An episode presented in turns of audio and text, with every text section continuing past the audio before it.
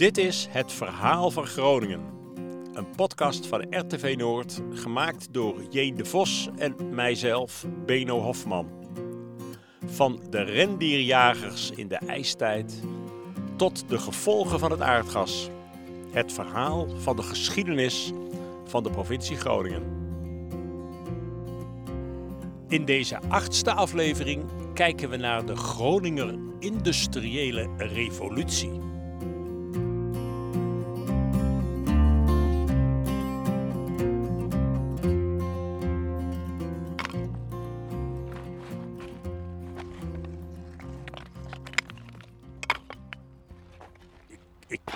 Hier nou op een stapel scherven van stenen, dakpannen. Mooi rood allemaal. Want ik ben hier aan het Damsterdiep bij een oude steenfabriek. Waar we hier nu staan is, eh, is een verhoging. Dit is de beschikkersruimte. Hier eh, reden de vrachtwagens omhoog met, het, eh, met de klei. Die kwam van de landerijen hieromheen. Daar werd de klei afgetiggeld. Ja, ik, ik, ik spreek hier met Petra van der Meer hè, van het Groninger Landschap. Want we staan hier op een terrein dat is nu van het Groninger Landschap. En we zien de ruïnes van een van die oude Groninger steenfabrieken. Rusthoven Ja, steenfabriek Rusthoven. bij Wirdum.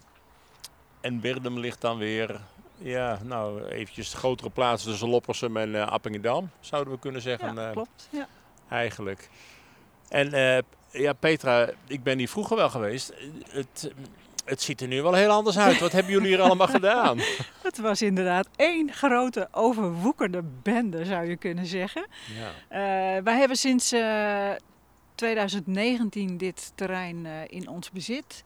En waar we mee zijn begonnen is eh, het terrein saneren. Want de grond was eh, enorm vervuild. ja, en eh, het is eh, eigenlijk de enige ruïne van een van die vele Groninger steenfabrieken waar het publiek ook nu zo bij kan Ja. komen. Ja, dus dat was de volgende fase eigenlijk van na het, het, het, het mooi maken van, de, van het terrein, het aanleggen van een eh, wandelpad langs alle ja, ruïnes, bouwwerken die er nog staan. En nou, waar we hier staan heb je dan heel mooi zicht op het hele terrein. Dus hier wordt er echt het verhaal van die baksteenindustrie van Groningen verteld. Je ziet de landerijen eromheen waar de klei vandaan kwam. Ja. Die werd hier naartoe gebracht, gesneden tot baksteen. En dat leverde uiteindelijk ja, die typische Groninger baksteen, rode baksteen eh, Ja. op. Petra, ik eh, ga even hier eh, rondlopen. Dank je wel voor deze, Ja, voor deze uitleg. En ik hoop, ja, dit is fantastisch op, voor toeristen om hier eens een kijkje te nemen. Dank je wel. alsjeblieft.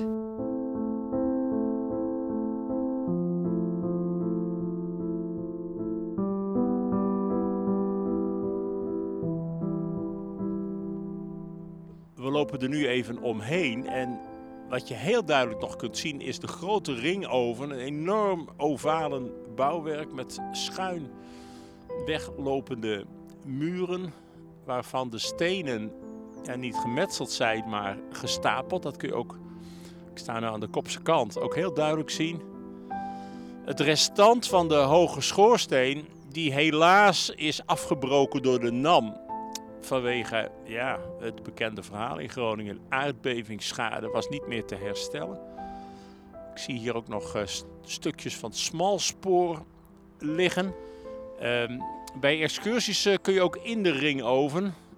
Dat is een domein van vleermuizen nu.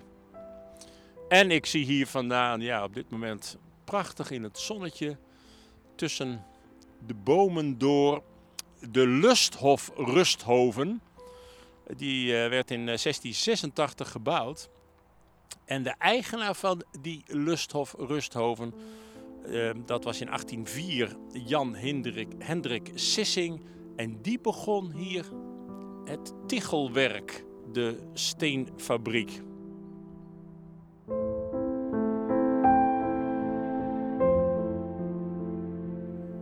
De eerste fabrikant van de klassieke rode Groninger stenen was het klooster Aduard.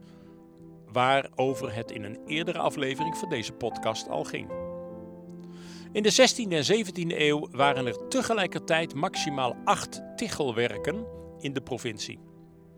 Na een teruggang begin 18e eeuw kwam er vanaf het midden van die eeuw herstel en groeide het aantal steenfabrieken tot maximaal 61 omstreeks 1880. Nu is er in de provincie alleen nog Strating in Oude Pekela.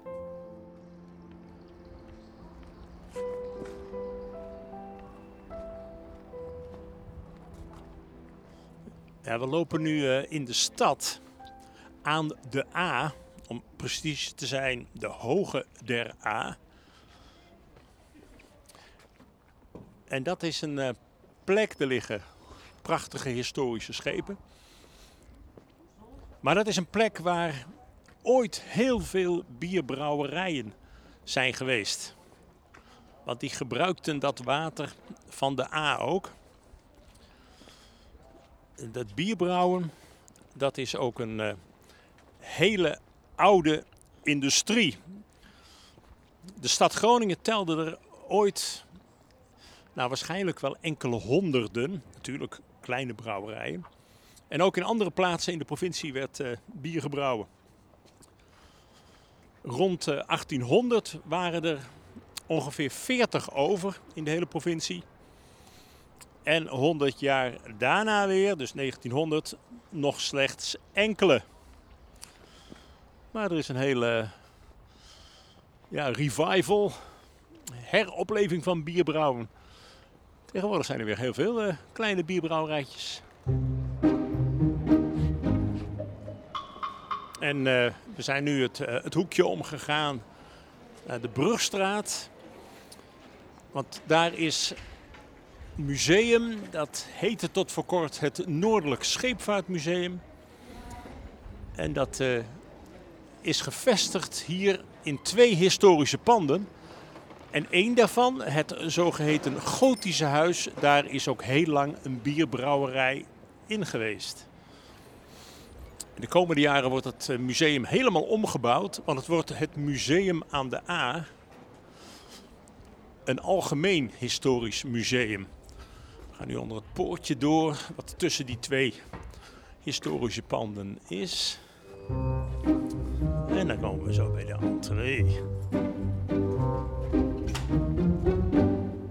Hoi. Hoi Beno. Sakina, wat, uh, wat leuk. Jij hebt hier uh, die Sakina Muires is de naam, hè? Ja. ja. Werkend voor het Noordelijk Scheepvaartmuseum. Oh, sorry, Museum aan de A. Klopt. Er gaat van alles gebeuren hier, hè? Want uh, deze podcast, ja, de mensen gaan het uh, misschien nu direct beluisteren of veel later, want in oktober gaat er iets gebeuren. Ja, in oktober gaan we sluiten voor een verbouwing. En komt er ook een pand bij, dus het wordt hartstikke spannend hoe het er daarna uit gaat zien. Ja.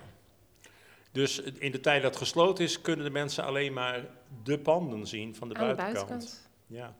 Maar uh, je hebt hier wel iets wat je nu even kunt laten zien. Ja. En dat met de geschiedenis uh, van bierbrouwen ook te maken ja, had. Hè? Klopt. Zullen we. Ja, is goed. Waar gaan we heen? We gaan naar de kelder. De kelder. En uh, dat is een hele spannende semi-oude trap. Als ik de trap niet kan lopen, dan kan ik ook met de traplift, zie ik. Ja, klopt. En het schijnt allemaal straks toegankelijker te worden na de verbouwing. Okay. Maar dit is jaren 70 en dit is ouder. Oh, ja. De eerste drie treden zijn jaren 70 en nu lopen we een historischer... We zitten trouwens hier in het Kanterhuis, hè? Ja, in de het kelder andere. van het Kanterhuis. En um, daar, daar hebben we een nisje. En dan zie je een stuk van de waterput. We zien maar een half putje. Uh, ja, het is een klein stukje van de put. Het is niet de bovenkant van de put, want die zit boven daar op de binnenplaats. Okay. En ongelooflijk diep. Het water werd natuurlijk ook ge ge gebruikt voor meneer Kanter, die hier woonde. Ja. Want ja, de rijke mensen hadden gewoon een eigen waterput. Die hadden hoefden niet naar de. Die hoefden niet direct uit, de... uh, of direct uit de A te, te halen. Precies. Oké, okay, hier, oh ja, tijdlijn. Je moet, ik moet hier trouwens een beetje bukken. Nou nee, het gaat net. Nou, het ligt eraan Deze waar je balk, loopt. ja, die ene balk, dan moet je hier bukken. Want anders dan... Uh... Dat wordt een hersenschudding. En uh, tijdlijn van het Gotisch Huis en het Kanterhuis? Ja, men vermoedt 1320, dus 14e eeuw. Ja. En het, kant, het kanterhuis heeft een 19e eeuws voorgevel en het gotische huis heeft de oudste voorgevel. ja. En dan ben ik met name geïnteresseerd, eh, omdat deze aflevering van deze podcast over industrie gaat. Eh, wat ik hier dan al zie. Evert Wig Bolders, 1448, bierbrouwer en En burgemeester. burgemeester. Ja. En hij was niet de enige die twee, twee banen had. Nee, de volgende ook. Junge Evert Hubbeling ook. En dan gaan we door. Even een onderbreking zie ik, maar het brouwt, het brouwt, het brouwt door. maar door. Hier heet het dan Brouwerij de Witte Hand. En dan gaat die meneer Nanninga, die stapt over op Jenever. Ja, klopt. Ja, en daarna is En het... ook eh, daarna Jenever. Ja, Hesselink, Jenever, Stoker. En die heeft, was de eerste die die beide panden in handen had. En dat is tot op heden eh, Nog steeds zo. dus zo. Goed, hè?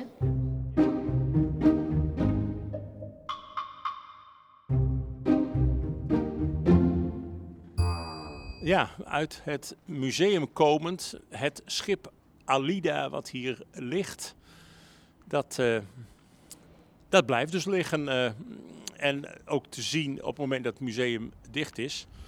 Ja, de Groninger scheepsbouw die eh, vindt haar oorsprong in de turfvaart. En wat die turfvaart betreft, daarom gaan we nu naar de veenkoloniën.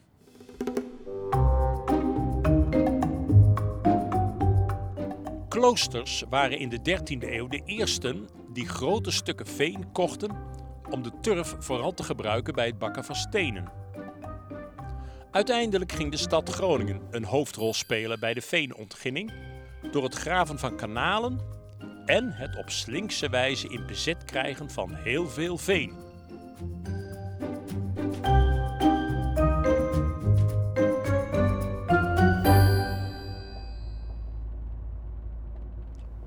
Rijden nu in eh Sappemeer. Hele brede weg, zou je zo zeggen. Maar dat komt omdat dit het Winschoterdiep was. En het Winschoterdiep, dat is op deze plek gedempt. Er is een nieuw Winschoterdiep gekomen. En eh, ja, dat was een van die kanalen die een grote rol speelde bij de veenontginning. En we rijden nu naar een hele bijzondere plek. Dit is een, een dwarswater van dat oude Winschoterdiep. En daar zien we een hoog holtje. Noorderstraat 308 zijn wij nu gekomen. Dat hoog holtje, dat waren eh, bruggen in de provincie over de kanalen. En eh, zo'n hoge houten brug, dat maakte dat schepen er gewoon onderdoor konden. En vanwege de, de turfvaart ontstonden er ook allemaal scheepswerven in de veenkoloniën. Waarvan er eh, aan het, eh, ja, het nieuwe Winschoterdiep nog meerdere zijn waar kolossale schepen worden gebouwd. Als je dat niet kent, kijk je echt je ogen uit. Maar dit is de oudste scheepswerf van Hoge Zand Sappemeer. Die dateert uit 1650 vanwege de demping van dat oude Winschoterdiep eh, werd eh, deze werf in 1983 gesloten. Maar 30 jaar later weer geopend als museumwerf. Ja, uiteindelijk eh, telde Hoge Zand bijvoorbeeld al 26 werven. In de tweede helft van de 18e eeuw werden er ook kustvaarders gebouwd. En hier in Hoge Zand werden vooral schoeners en brikken gebouwd. Nou, het hekje is, eh, het hekje is hier nu eh, dicht. Maar eh, ja, er wordt nog steeds hier wel gewerkt bij deze museumwerf Wolthuis.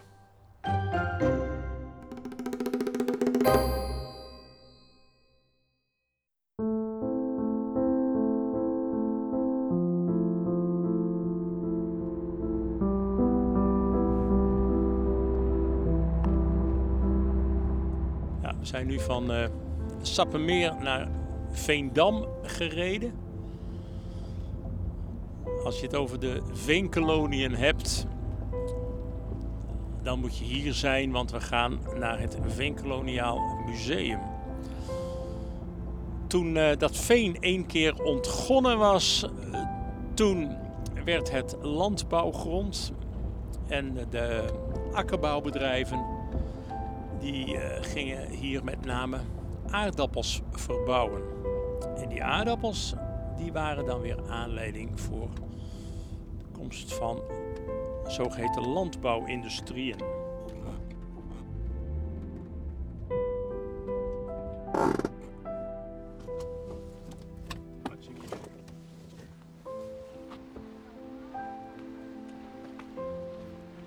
Ja, het uh, Veenkoloniaal Museum is gevestigd in een oud gebouw, namelijk een oud schoolgebouw, genoemd naar misschien wel de beroemdste Veendammer.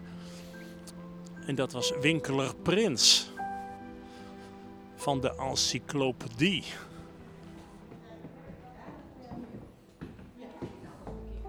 Goeiedag. Hi, Celine, Celine Vister. Wat, uh, wat wil het Veenkoloniaal Museum zo al laten zien? Nou, de basis van het Veenkoloniaal Museum gaat eigenlijk over de bloeiperiode in de 19e eeuw. Dat wil zeggen de, de turfindustrie, de turfvaart. Het is namelijk zo dat Veendam in de 19e eeuw um, de op één na grootste haven van Nederland was, dus na Rotterdam. Heel veel mensen weten dat niet. Sorry, de een, op één na grootste... Ja, haven. Oh. Ja. Dus dat is best wel uh, interessant. En dat zorgt uiteindelijk ook voor heel veel nou ja, bloei op andere manieren, dus industriële bloei. Um, uiteindelijk trekt het ook bijzondere kunstenaars, Bart Pijzel, Herman Mees. Wij zijn nu met name geïnteresseerd in de industrie die er zo al in de veenkoloniën opkwam. Ja. Vanuit de aardappelteelt. Mm -hmm. Moutwijn. Ja. Bijvoorbeeld. Ja, daar vertellen we ook wat over. Zo hebben we bijvoorbeeld een, uh, nou ja, een destillatieketel boven staan. Die kan ik wel even laten zien. Ja, zullen we daar eens even heen lopen? Ja. Deze prachtige trap. Uh, prachtig groot uh, glas- en loodraam. Ja, heel groot inderdaad. Gaan we hier naartoe? Ja, je, hebt, je waant je echt in een oude school. Klopt. Hier en ja. daar is een deur dichtgemaakt, zie ik wel. Even, ja, een dichte deur. Het waren vroeger natuurlijk allemaal uh, ja, klaslokalen, ja. een gymzaal, dat soort uh, ruimten.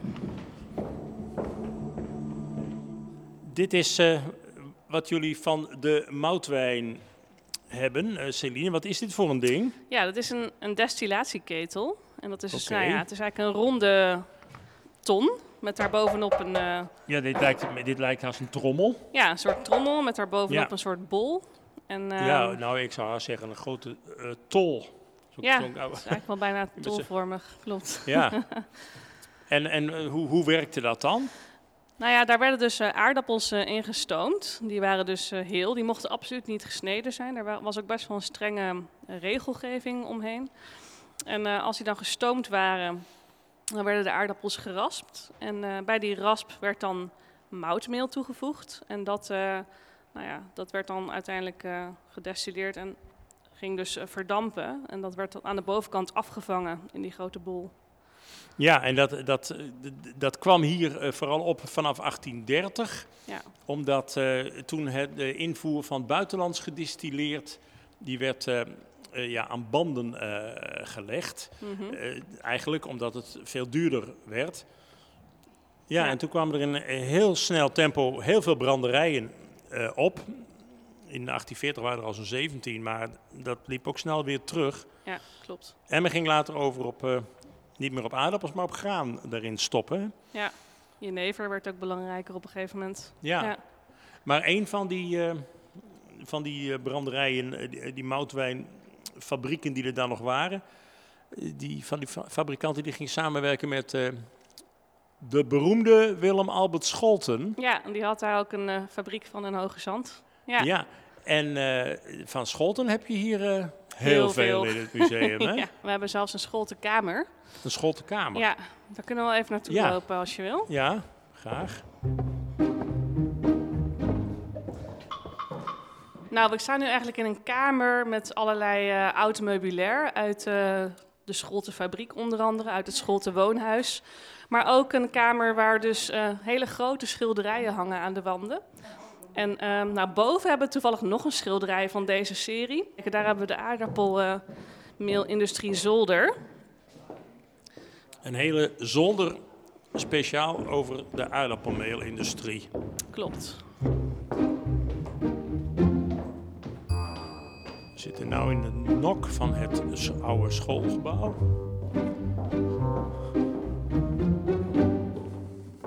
Dit is het, eh, het Het vijfde begin- schilderij. Ja. Het gaat over een, ehm, een jonge Willem Albert Scholte. Die zien we rechts op het schilderij. En hij is eigenlijk met een, ehm, ja, een soort wasmolen aardappels aan het wassen. In de boerderij van zijn oom en tante Kleiboer in het plaatsje Tonde. Daar mocht hij van oom eh, en tante mocht hij daar eh, nou ja, zijn eerste minifabriekje starten.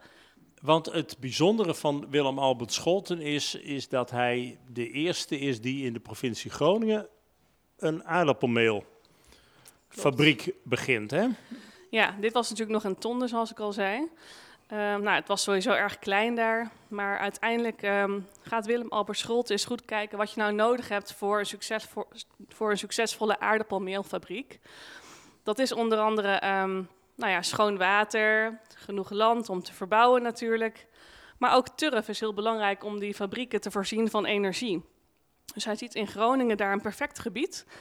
En hij gaat dan ook zijn eerste echte fabriek stichten in Vauxhall. En die noemt hij Eureka. Daar is Ja, ook een schilderij van. Ja, daar hebben we ook een, eh, ook een mooi schilderij. Dit is een schilderij, daar zie je dus inderdaad die Eureka-fabriek. Wel al wat later dan dat hij eh, nou ja, gesticht werd. Want je ziet hier al twee eh, schoorstenen op het, achter het pand staan. En dat komt omdat eh, nou ja, Willem Albert Scholte is natuurlijk een eh, intelligent man. Maar hij ehm, weet ook heel goed eh, hoe hij zijn bedrijf verder uit kan bouwen. Eerst was het zo dat het ehm, fabrieken waren die werden aangedreven door paarden. Dus hij had 26 paarden in bezit. Maar die schoonvader van hem die zegt, nou, die paarden die eten je helemaal arm, het schiet allemaal niet op. En hij investeert dus in de stoommachines. En vanaf dat moment ja, gaat hij ontzettend veel produceren. Dus dat is echt... eh, En vanaf dat moment is er dus ook turf eh, Ja. eh, nodig. ja, En hij koopt Klopt. ook veen, hè? En dat Ja. naar zijn vrouw genoemde Klazina Veen. ja, dat is inderdaad naar hem vernoemd. Ja, Of naar haar vernoemd, naar haar sorry. vernoemd, Ja. Ja, En, ja, en dan zien we daar al AVB. Wat uiteindelijk wordt er samengewerkt en ontstaat dan coöperatieve aardappelmeel verkoopbureau, ja, afgekort AVB. precies. Dit is eh, met name hier de- op deze zolderverdieping duidelijk dat eh, aardappelmeel en de aardappelmeelindustrie ontzettend belangrijk was eh, Ja. hier in de Veenkolonie. En nog steeds. En nog steeds. Ja, zeker.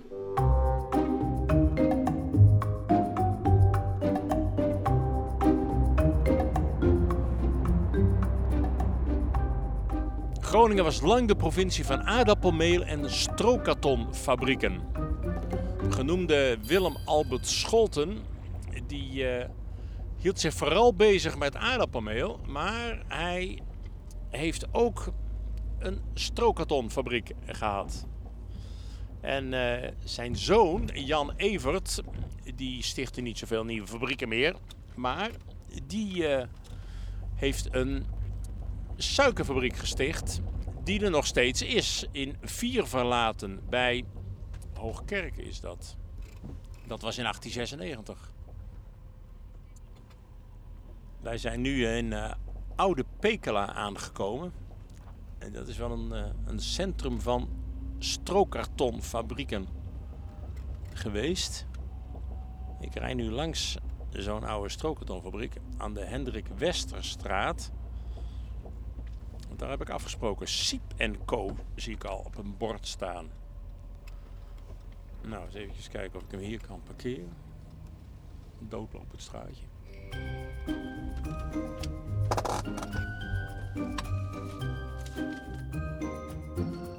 Ik zie hier ook een prachtige mooie oude foto aan de zijkant van deze oude fabriek.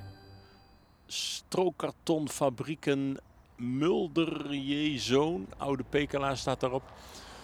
Ja, de grondstof van de strookkarton, dat was stro. En stro, dat kwam van de tarweteelt op het uh, Hoge Land en het Oldambt. De eerste strookkartonfabriek in de provincie was in 1869 in Hoge Zand van Hoytes en Beukema. Nieuweschans en Ulrum volgden en in 1875 Oude Pekela, waar we dus nu zijn. Uh, ook nu wordt er nog karton geproduceerd in de provincie, maar niet meer van stro, maar van oud papier. Nou, eens eventjes uh, naar binnen.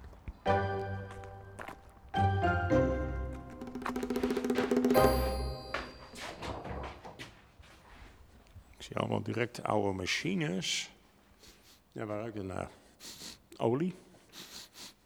Ja, ik denk het. Het ruikt duidelijk als een de fabriek. Nou, ik, ik, hoor ook, ik hoor hier ook geluid. Mooi. Goed, ja, goedendag.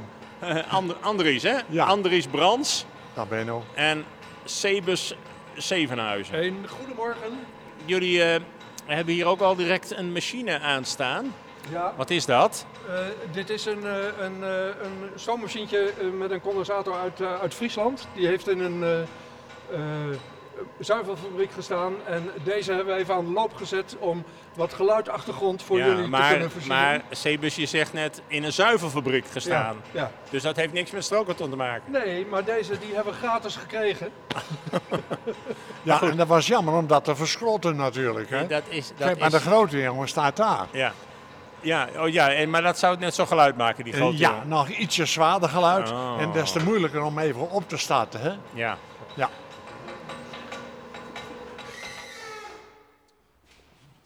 Dus ja, we lopen even naar het voorste gedeelte hier.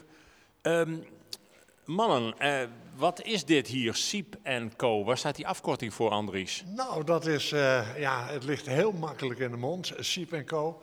He, meestal zeggen we Siepco en dat staat voor Stichting Industrieel Erfgoed Pekela en Culturele Ontwikkeling. Ja. Hele mond vol. Ja, want Pekela is echt een centrum van industrie en, en met name van strookkarton, hè? Ja, helaas uh, geweest. We hebben slechts één uh, uh, kartonfabriek nog over, die overigens geen stro meer verwerkt, maar alleen oud papier. we hadden ooit negen strookkartonfabrieken. Negen? Ja, ontzettend veel. 1875 de eerste, ja. met de naam uh, de A-stroom. De A-stroom. En dat, uh, daar, daarvan, uh, die foto die aan de buitenkant zag ik, Mulder, dat was de, de A-stroom. Dat, dat ja. was de A-stroom. Ja. Tegen, en dat Ja. was gelegen bij de haven. hè. Ja. ja. En, en deze, dit is ook een oude strookkartonfabriek? ja, dit is eh, gesticht in eh, 1904. Dat was de strookkarton uh, Vree Co. Opgericht destijds door onder andere Elzo Vree, samen met eh, meneer Drent. En is helaas eh, moeten sluiten in 1980. En, en, en in 1904 dus begonnen. En is- voor die tijd stond hier toen ook al wat? Of, eh? Nou, dat is heel, heel goed dat je die vraag stelt. Van dat intrigeert ons natuurlijk enorm. Want Freeco is gebouwd op de fundamenten van een vroegere aardappelmeelfabriek genaamd Orania. Oké. En dat stond hier van 1885 tot ongeveer 1888. Eh, dat is geteisterd door stakingen en helaas eh, door brand. En dat was het einde verhaal. Oké. En eh, wat doen jullie hier? Is dit een museum? Eh, gedeeltelijk. gedeeltelijk. Eh, wij hebben eh, de beschikking gekregen over de niet meer commerciële hallen van de hennepverwerkende industrie Hemflex. Die hallen zijn voor hun niet meer interessant voor hun productie, daar zijn ze te ouderwets voor. En hier staat nog een prachtige oude stoommachine die wij heel toepasselijk de Siep hebben genoemd. En eh, dit is eh, een machine die hier in 1929 is, eh, is geplaatst, inclusief het eh, machinehuis. Zullen we even verder het complex inlopen? Ja. Dan, Pas even, pas even op waar je loopt, want eh, het is hier niet op, eh, op eh, nou ja, het is niet allemaal gelijkvloers, laat het zo zeggen. ja, dan komen we dus in die, in die, in die volgende ruimte. En eh, Andries, wat, wat, wat, ik zie hier een kaart van Pekela. Met alle strookkartonfabrieken die er ooit waren, denk ik. Ja, dat klopt precies. Ja. Eh, wat je hier ziet is een stroom, de PKLA. Ja. Hè, vroeger ooit eh, ja, de, de rivier genoemd. Hè, Ja. eh, maar, En we zitten hier bij deze fabriek van Free, zitten we een beetje aan de rand van Oude Pekela, zie ik. En dan zien we hier ook, ja, Free Meijs, die kan ja, ook het is niet... heel wat gebeurd. Ja, die, kan, ook, niet ontbreken als we het over Pekela hebben, hè? de Nee. grote stakingsleider Ja. van de CPN. Eh, Heb jij zelf een verleden bij, met deze fabriek? Eh, Of ja, met strookkarton? eh, ik heb eh, vanaf eh, 1966 tot 1980 dit mooie product strookkarton wereldwijd mogen verkopen. Met heel veel plezier. Vanaf 1980 tot heden wordt er alleen maar dus oud papier verwerkt tot eh, mooi karton, grijs karton noemen we Ja. dat. En dat wordt nog verkocht over de hele wereld van Australië naar Amerika, Zuid-Amerika enzovoort. Wat dat betreft, wat ik al eerder noemde, Benno, eh, de Stokertonfabrieken was de beste ambassadeur van de provincie Groningen, maar met name van Pekela. Nou, ik vind dat een mooi, mooi besluit, eh, Andries. En Sebus, hartstikke bedankt. en veel succes hier met de Siepco. Eh, dat mensen hier nog maar eens een kijkje komen nemen. Ze zijn altijd welkom, graag gedaan. Met heel veel plezier overhandig ik jullie een stukje strookkarton. Ooit gefabriceerd door Het Strookkarton laatste? Het laatste? Het laatste strookkarton geproduceerd in 1980, alsjeblieft. Nou, het laatste stukje karton.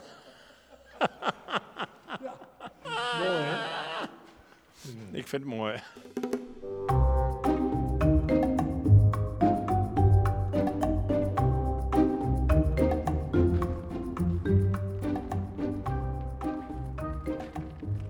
Ja, we zijn van Pekela via Winschoten naar Scheemda gereden.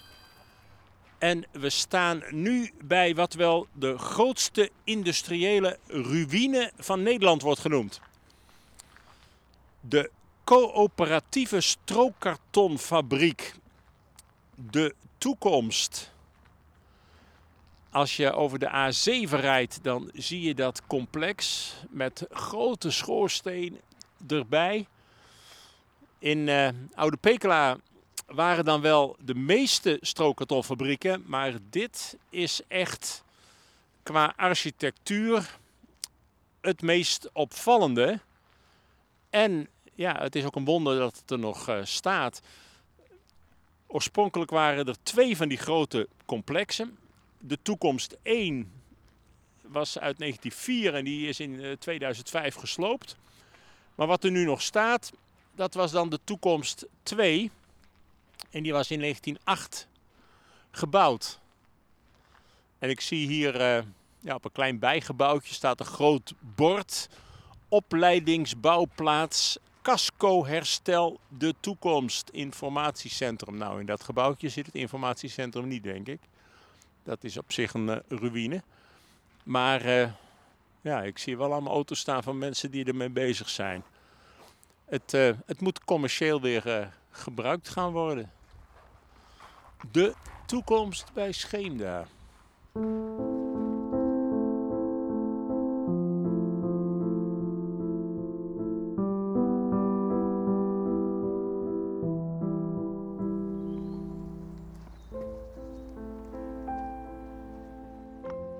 We zijn terug in de stad en ja, heel bijzonder in mijn eigen wijk.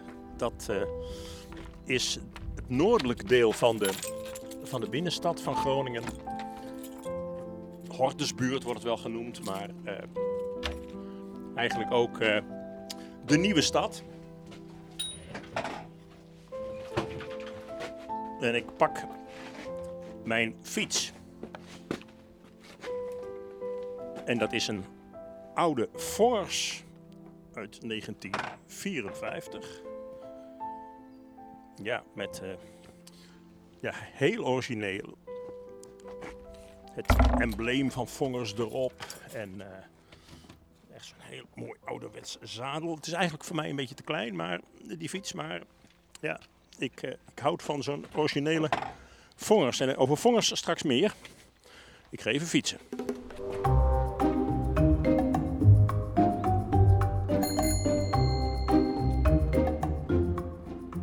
Ben nu eh, bij de, een deel van de oude vestingwal van de stad. Want uh, ja, deze wijk dat is begin 17e eeuw als uitbreiding bij de stad uh, gekomen. En het bijzondere is dat een aantal bedrijven van naam, waarvan een aantal ook nog bestaan, dat dat hier allemaal begonnen is. Hier bij de vestingwal, het eind van de Grote Rozenstraat, daar begon Sikkens, wat nog steeds een merk verf is in Nederland. Van 1792 tot uh, ja, bijna het eind van de vesting hier, 1868, zat dat hier. Maar een stukje verderop, en daar fiets ik dan nu heen, daar eh, kwamen nog meer bekende bedrijven tot stand of uh, tot bloei.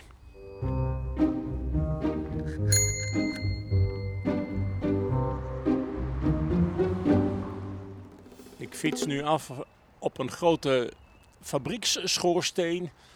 Daar zit uh, Simplon, maar dat is ooit begonnen als een vleesconservenfabriek van Gerson.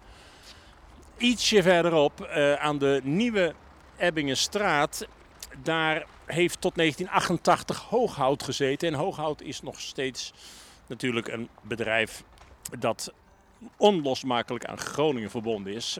Maar op het bedrijventerrein zit sinds 88. En dan zijn we aan de oostkant van het Nieuwe Kerkhof gekomen. En dan komen we bij de geschiedenis van Niemeyer. Niemeyer is nog maar net uh, verdwenen uit Groningen. Oh, nu slaat de klok van de Nieuwe Kerk. Niemeyer begon aan de Nieuwe Ebbingenstraat, uh, maar breidde uit naar achteren, kwam aan het Nieuwe Kerkhof terecht. En zat daar tot 1904, toen het verhuisde naar de Paterswolse weg. En dan daarnaast, en dan kom ik met mijn oude vongers op de plek, wat daar op de hoek met de Zuiderkerkstraat, daar begon in 1871 Vongers. Het heeft weliswaar niet zo gigantisch lang hier in de wijk gezeten. Verhuisde toen naar de Herenweg. En daar is nog steeds te zien dat Vongers daar gezeten heeft. Want een deel van die fabriek is er nog. De Vongersplaats. Ja, Vongers uh, bestaat als merk nog altijd. En uh, we hebben in Groningen Jos Rietveld, de grote Vongerskenner. Die heeft een soort Vongersmuseumpje aan huis. En hij werkt ook aan een, uh, aan een boek over Vongers. Ja, hier eindigen we dan over de Groninger industriële revolutie. En uh, volgende keer in deze podcast gaan we het hebben over uh, onderwijs en kunst in Groningen.